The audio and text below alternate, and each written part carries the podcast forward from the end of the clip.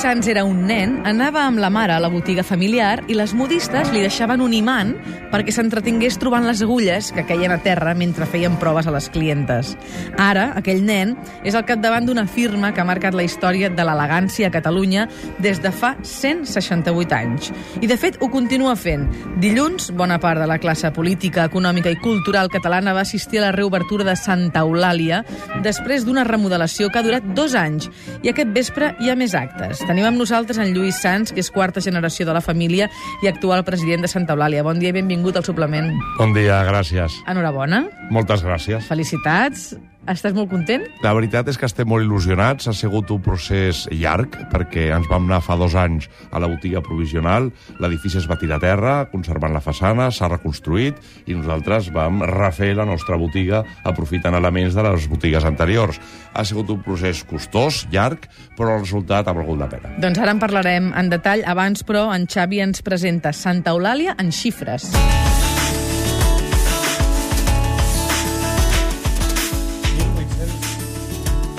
1843 és l'any en què Domingo Taverner Prims obre la primera botiga de Santa Eulàlia al Pla de la Boqueria. 1926 es fa la primera desfilada d'alta costura d'Espanya a la botiga Santa Eulàlia. 93 és el número del Passeig de Gràcia on està ubicat el nou establiment de moda exclusivament masculina des de l'any 1944 quan es va tancar el Pla de la Boqueria. Als anys 60 introdueixen firmes per a la dona i el 1968 fan la primera col·lecció Pret a Porter. Fins a 42 hores de confecció i la feina de 7 persones calen per fer un vestit a mida al taller de sastreria de Santa Eulàlia. I 2.000 metres quadrats fa el nou espai de Santa Eulàlia després de la remodelació dirigida per William Sofield, l'arquitecte i interiorista preferit per les grans firmes de luxe a tot el món. Doncs ara sí que ha arribat el moment, Lluís, que fem una miqueta de repàs a aquesta nissaga familiar que va tants anys enrere i que suposo que portes amb molt d'orgull. La veritat que sí, com sempre, eh, portar una nissaga d'aquest tipus és una gran possibilitat, però també sents el pes de la responsabilitat. Uh -huh. I d'alguna manera jo tenia molt clar que havia de tornar a, a l'esplendor que va tenir aquesta casa als anys 50, 60, 70 i que després, doncs, coses de la història, no? Ningú eh, que tingui una història tan llarga té 168 anys de glòria. Hem tingut anys de glòria i anys de, de, de més dificultat. I al final doncs, presentem una botiga realment molt especial. Aquesta botiga que es troba al Passeig de Gràcia 93, sobretot és important recordar aquesta numeració, que és possiblement el canvi més simbòlic però menys important, perquè la botiga ha canviat de dalt a baix. La botiga ha canviat molt, eh, continua dedicant 50% home, 50% dona, és una botiga eh, tant per, pels homes com per les dones. Eh, sí, és una botiga que recupera molts elements de les botigues anteriors. Teníem molt clar que aquesta reforma no volíem eh, només pensar en el futur, que òbviament és una botiga eh, pensant en el demà, en el futur, però abraçant el passat. I volíem que mm, la, grans elements que havien format part de les botigues anteriors estiguessin presents. Uh -huh. I no ha sigut fàcil conjugar coses d'abans i fer una botiga moderna. No ha sigut fàcil. Però, però ha quedat, és, és el vostre esperit, una miqueta, no? Perquè vosaltres us heu mantingut estables, tot i que, com tu ara deies, amb capítols, evidentment, doncs que estàveu més a la baixa que a l'alta, però us heu mantingut estables amb un patró, i mai millor dit, mm, molt vostre. No sou grans seguidors de modes efímeres. No, la veritat és que... Bueno, nosaltres, òbviament, la moda canvia cada, cada, cada sis mesos i la moda vol dir novetat. I nosaltres portem les novetats que ofereix el mercat internacional i les portem directament, és a dir, sempre la moda és novetat i això ho reflectim als nostres aparadors i a la nostra oferta. Però sempre ens han mantingut fidels amb un estil, amb una forma de fer, amb una atenció al client impecable, amb un entorn molt cuidat de la botiga, i això són coses que efectivament no han canviat. Dilluns hi era tothom en aquesta inauguració, vam veure cares molt conegudes, com la de l'alcalde Jordi Areu, l'Helena Rakoshnik, en Francesc Xavier Mena, en Xavier Trias, l'Alicia Sánchez Camacho, en Sandro Rossell, en Leopoldo Rodés, en Javier Godó, la Rosa Tous, en fi, gairebé no hi faltava ningú de la High Society catalana. La veritat és que ens van sentir molt, molt recolzats. Uh -huh. Però les activitats no s'acaben aquí. Aquestes activitats per celebrar la reobertura continuen aquest vespre amb un espectacle en 3D sobre la façana del Passeig de Gràcia 93. Aquest sí, obert a tothom que vulgui passar per allà? Sí, exactament. He volgut fer una inauguració que durés tota una setmana, per tant, cada dia hi ha hagut eh, convidats, hi ha hagut eh, gent, i, i culmina aquest dissabte amb una projecció en tres dimensions sobre la façana de l'edifici de Passeig de Gràcia 93. Tenim també el recolzament de l'Ajuntament, que talla el passeig al trànsit amb aquest tros, perquè tothom ho pugui veure amb seguretat i ho pugui veure bé, i realment és un espectacle molt espectacular. Sí, I a més això... hi, ha, hi ha una altra cosa, no? Hi ha aquesta exposició que recorrerà aquests 168 anys d'història de la botiga, que al final acaben sent la història d'una ciutat, també. Sí, efectivament, eh, demà obre les portes una exposició que estarà fins al 30 d'abril al local de Passeig Gràcia 91, és a dir, al costat de la botiga actual, on està temporalment durant dos anys, una exposició sobre el nostre passat amb unes imatges treballades amb làser, interactives amb el visitant, que fa l'exposició molt... també una cosa, hi ha una sorpresa molt especial també. Uh -huh, doncs provarem I és de, gratuïta de i oberta a tothom a partir de diumenge, dia 3, fins al 30 d'abril. Molt bé, fem una miqueta d'història, si et sembla, perquè els primers records que tens tu d'aquesta botiga és això que explicàvem dels imants i anar recollint les agulles que caien per terra? Sí, la meva mare em demanava que l'acompanyés quan s'havia de provar vestits i jo em deixaven les modistes uns imants que feien servir per recollir les agulles dels emprovadors i a mi em fascinava. Aquests imants i anar recollint i veia com les agulles s'enganxaven unes amb les altres i es podia treure i era, bueno, realment li demanava tornar amb ella per, per jugar amb això.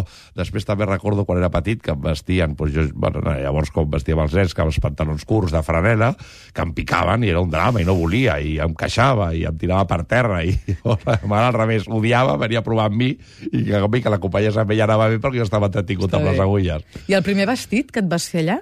El de, recordo quan era petit aquests, aquests pantalons mm -hmm. i després el vestit de primera comunió de com primera molts, comunió, com no? molts nens que ara ja són senyors eh, de Barcelona que, que realment pues, havien vestit de primera comunió de Santa Eulàlia alguns amb el traje de mariner que es deia i uns altres pues, amb un blazer com va ser el meu cas No és que vulgui saber quants anys tens, no t'ho preguntaré, però ara sí que fa. 45.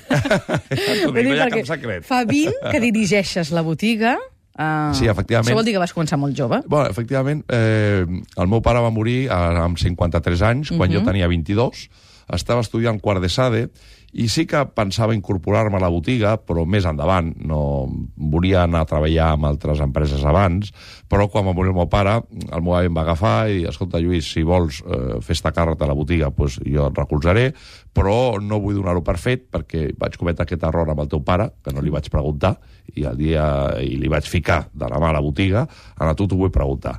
I dic, no, avi, jo, jo vull fer-ho, pensava fer-ho més endavant, eh, aquesta circumstància trista em fa fer-ho ara, però, però assumeixo la responsabilitat. Llavors vaig començar a treballar amb 22 anys, efectivament. I el teu avi ha pogut veure, no sé si és viu o no, però ha pogut no, veure... avi va morir dos anys després. Va morir amb 96 anys. Déu-n'hi-do, I anava cada dia a treballar. Al final ja pobre, amb cadira de rodes, però anava cada, cada dia almenys un parell d'hores es passava pel despatx i em parlaven i em donava consells i bé, recordo Algun molt. consell que recordis de dir, Sí. això m'ho va dir el meu avi. Sí, sempre em deia, Lluís, has de fer la competència per coses maques, no per coses barates. Molt bé. Aquest és un tema, no?, en la vostra botiga. Suposo que és un tema que no deu ser gaire elegant parlar-lo, però que evidentment surt perquè tothom sap que Santa Eulàlia el producte és de qualitat i, per tant, és un producte que no és assequible per tothom.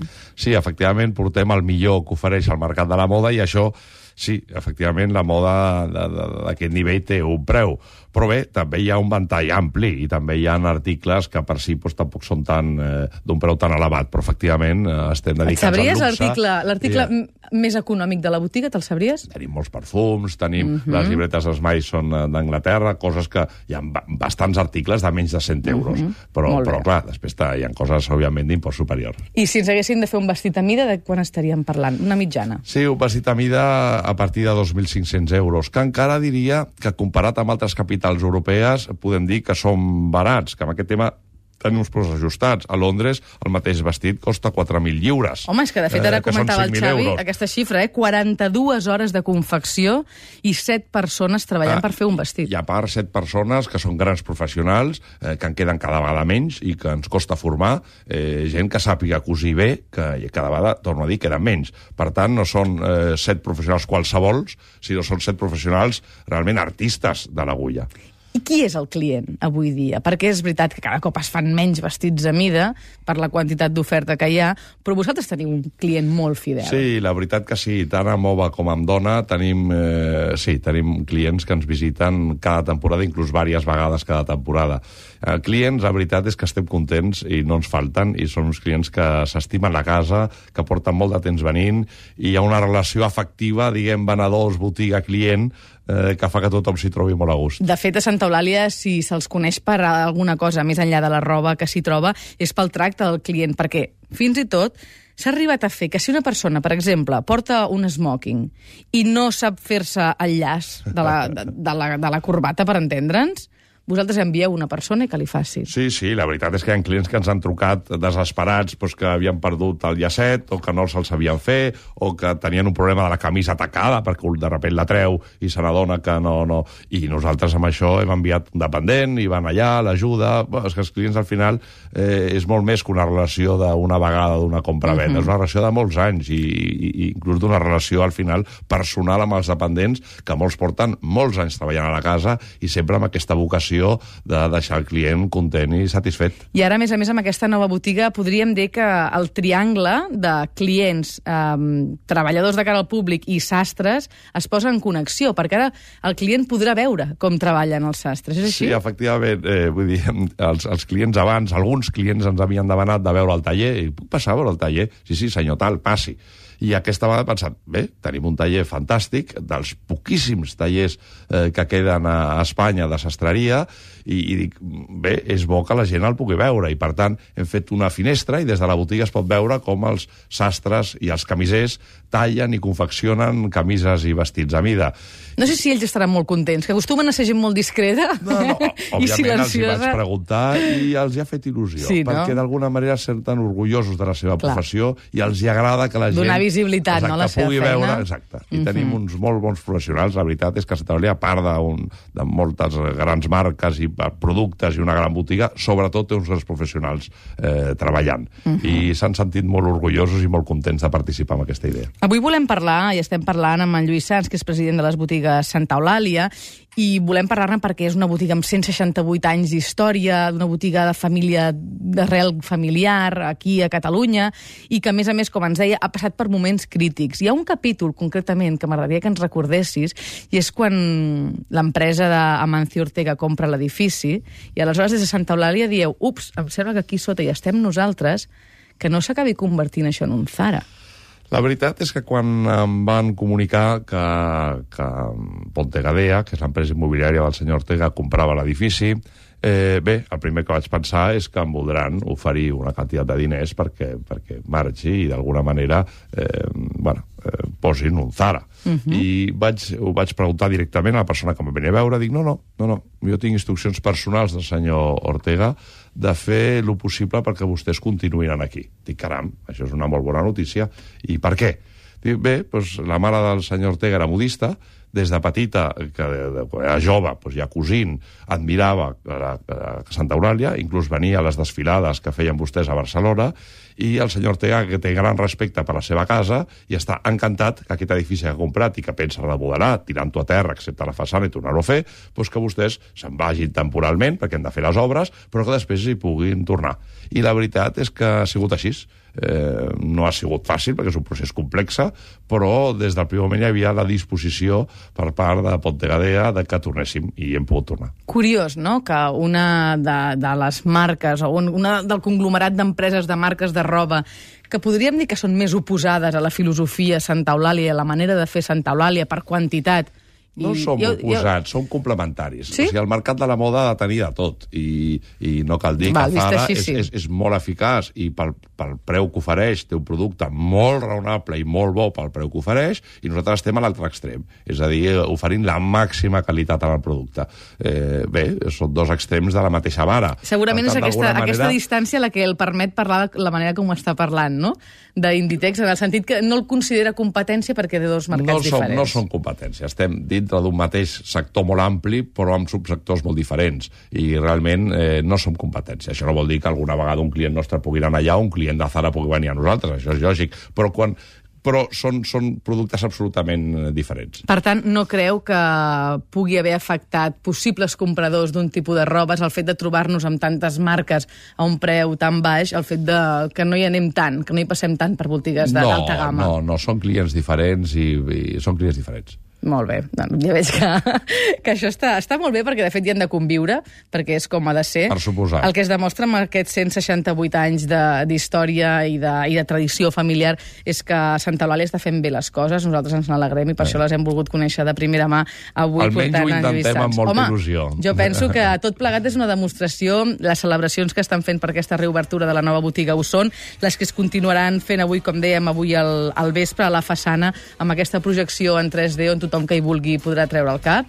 Efectivament, hem volgut fer una, una, una celebració de la inauguració de la botiga oberta a tothom, a tots els barcelonins, a tots els catalans que s'hi vulguin apropar, i per tant, eh, eh, sí, efectivament, això, i l'exposició que s'obrirà demà. Molt bé, doncs nosaltres al suplement ens agrada molt donar llibres i a vosaltres us volem regalar aquest llibre que es diu Habitación, Habitacions tancades, de Quer Santos, que està publicada per Planeta, i és una novel·la ambientada en un naixent passeig de Gràcia durant la Barcelona del modernisme que creiem que s'adequa prou bé per vosaltres. Fantàstic, moltíssimes gràcies. Moltes felicitats i moltes gràcies per haver vingut avui al suplement Gràcies, a xerrar. Que vagi molt bé. gràcies a. Adéu-siau. Nosaltres ara farem una pausa per la publicitat i tornarem de seguida amb moltes més coses perquè hem d'escoltar encara un reportatge.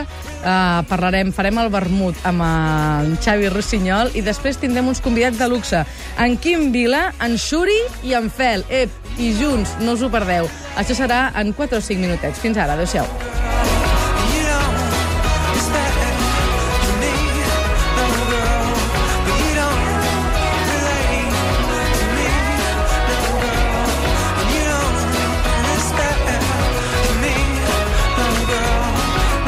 El suplement, dissabtes i diumenges de 9 a 1, amb Tatiana Sisquella.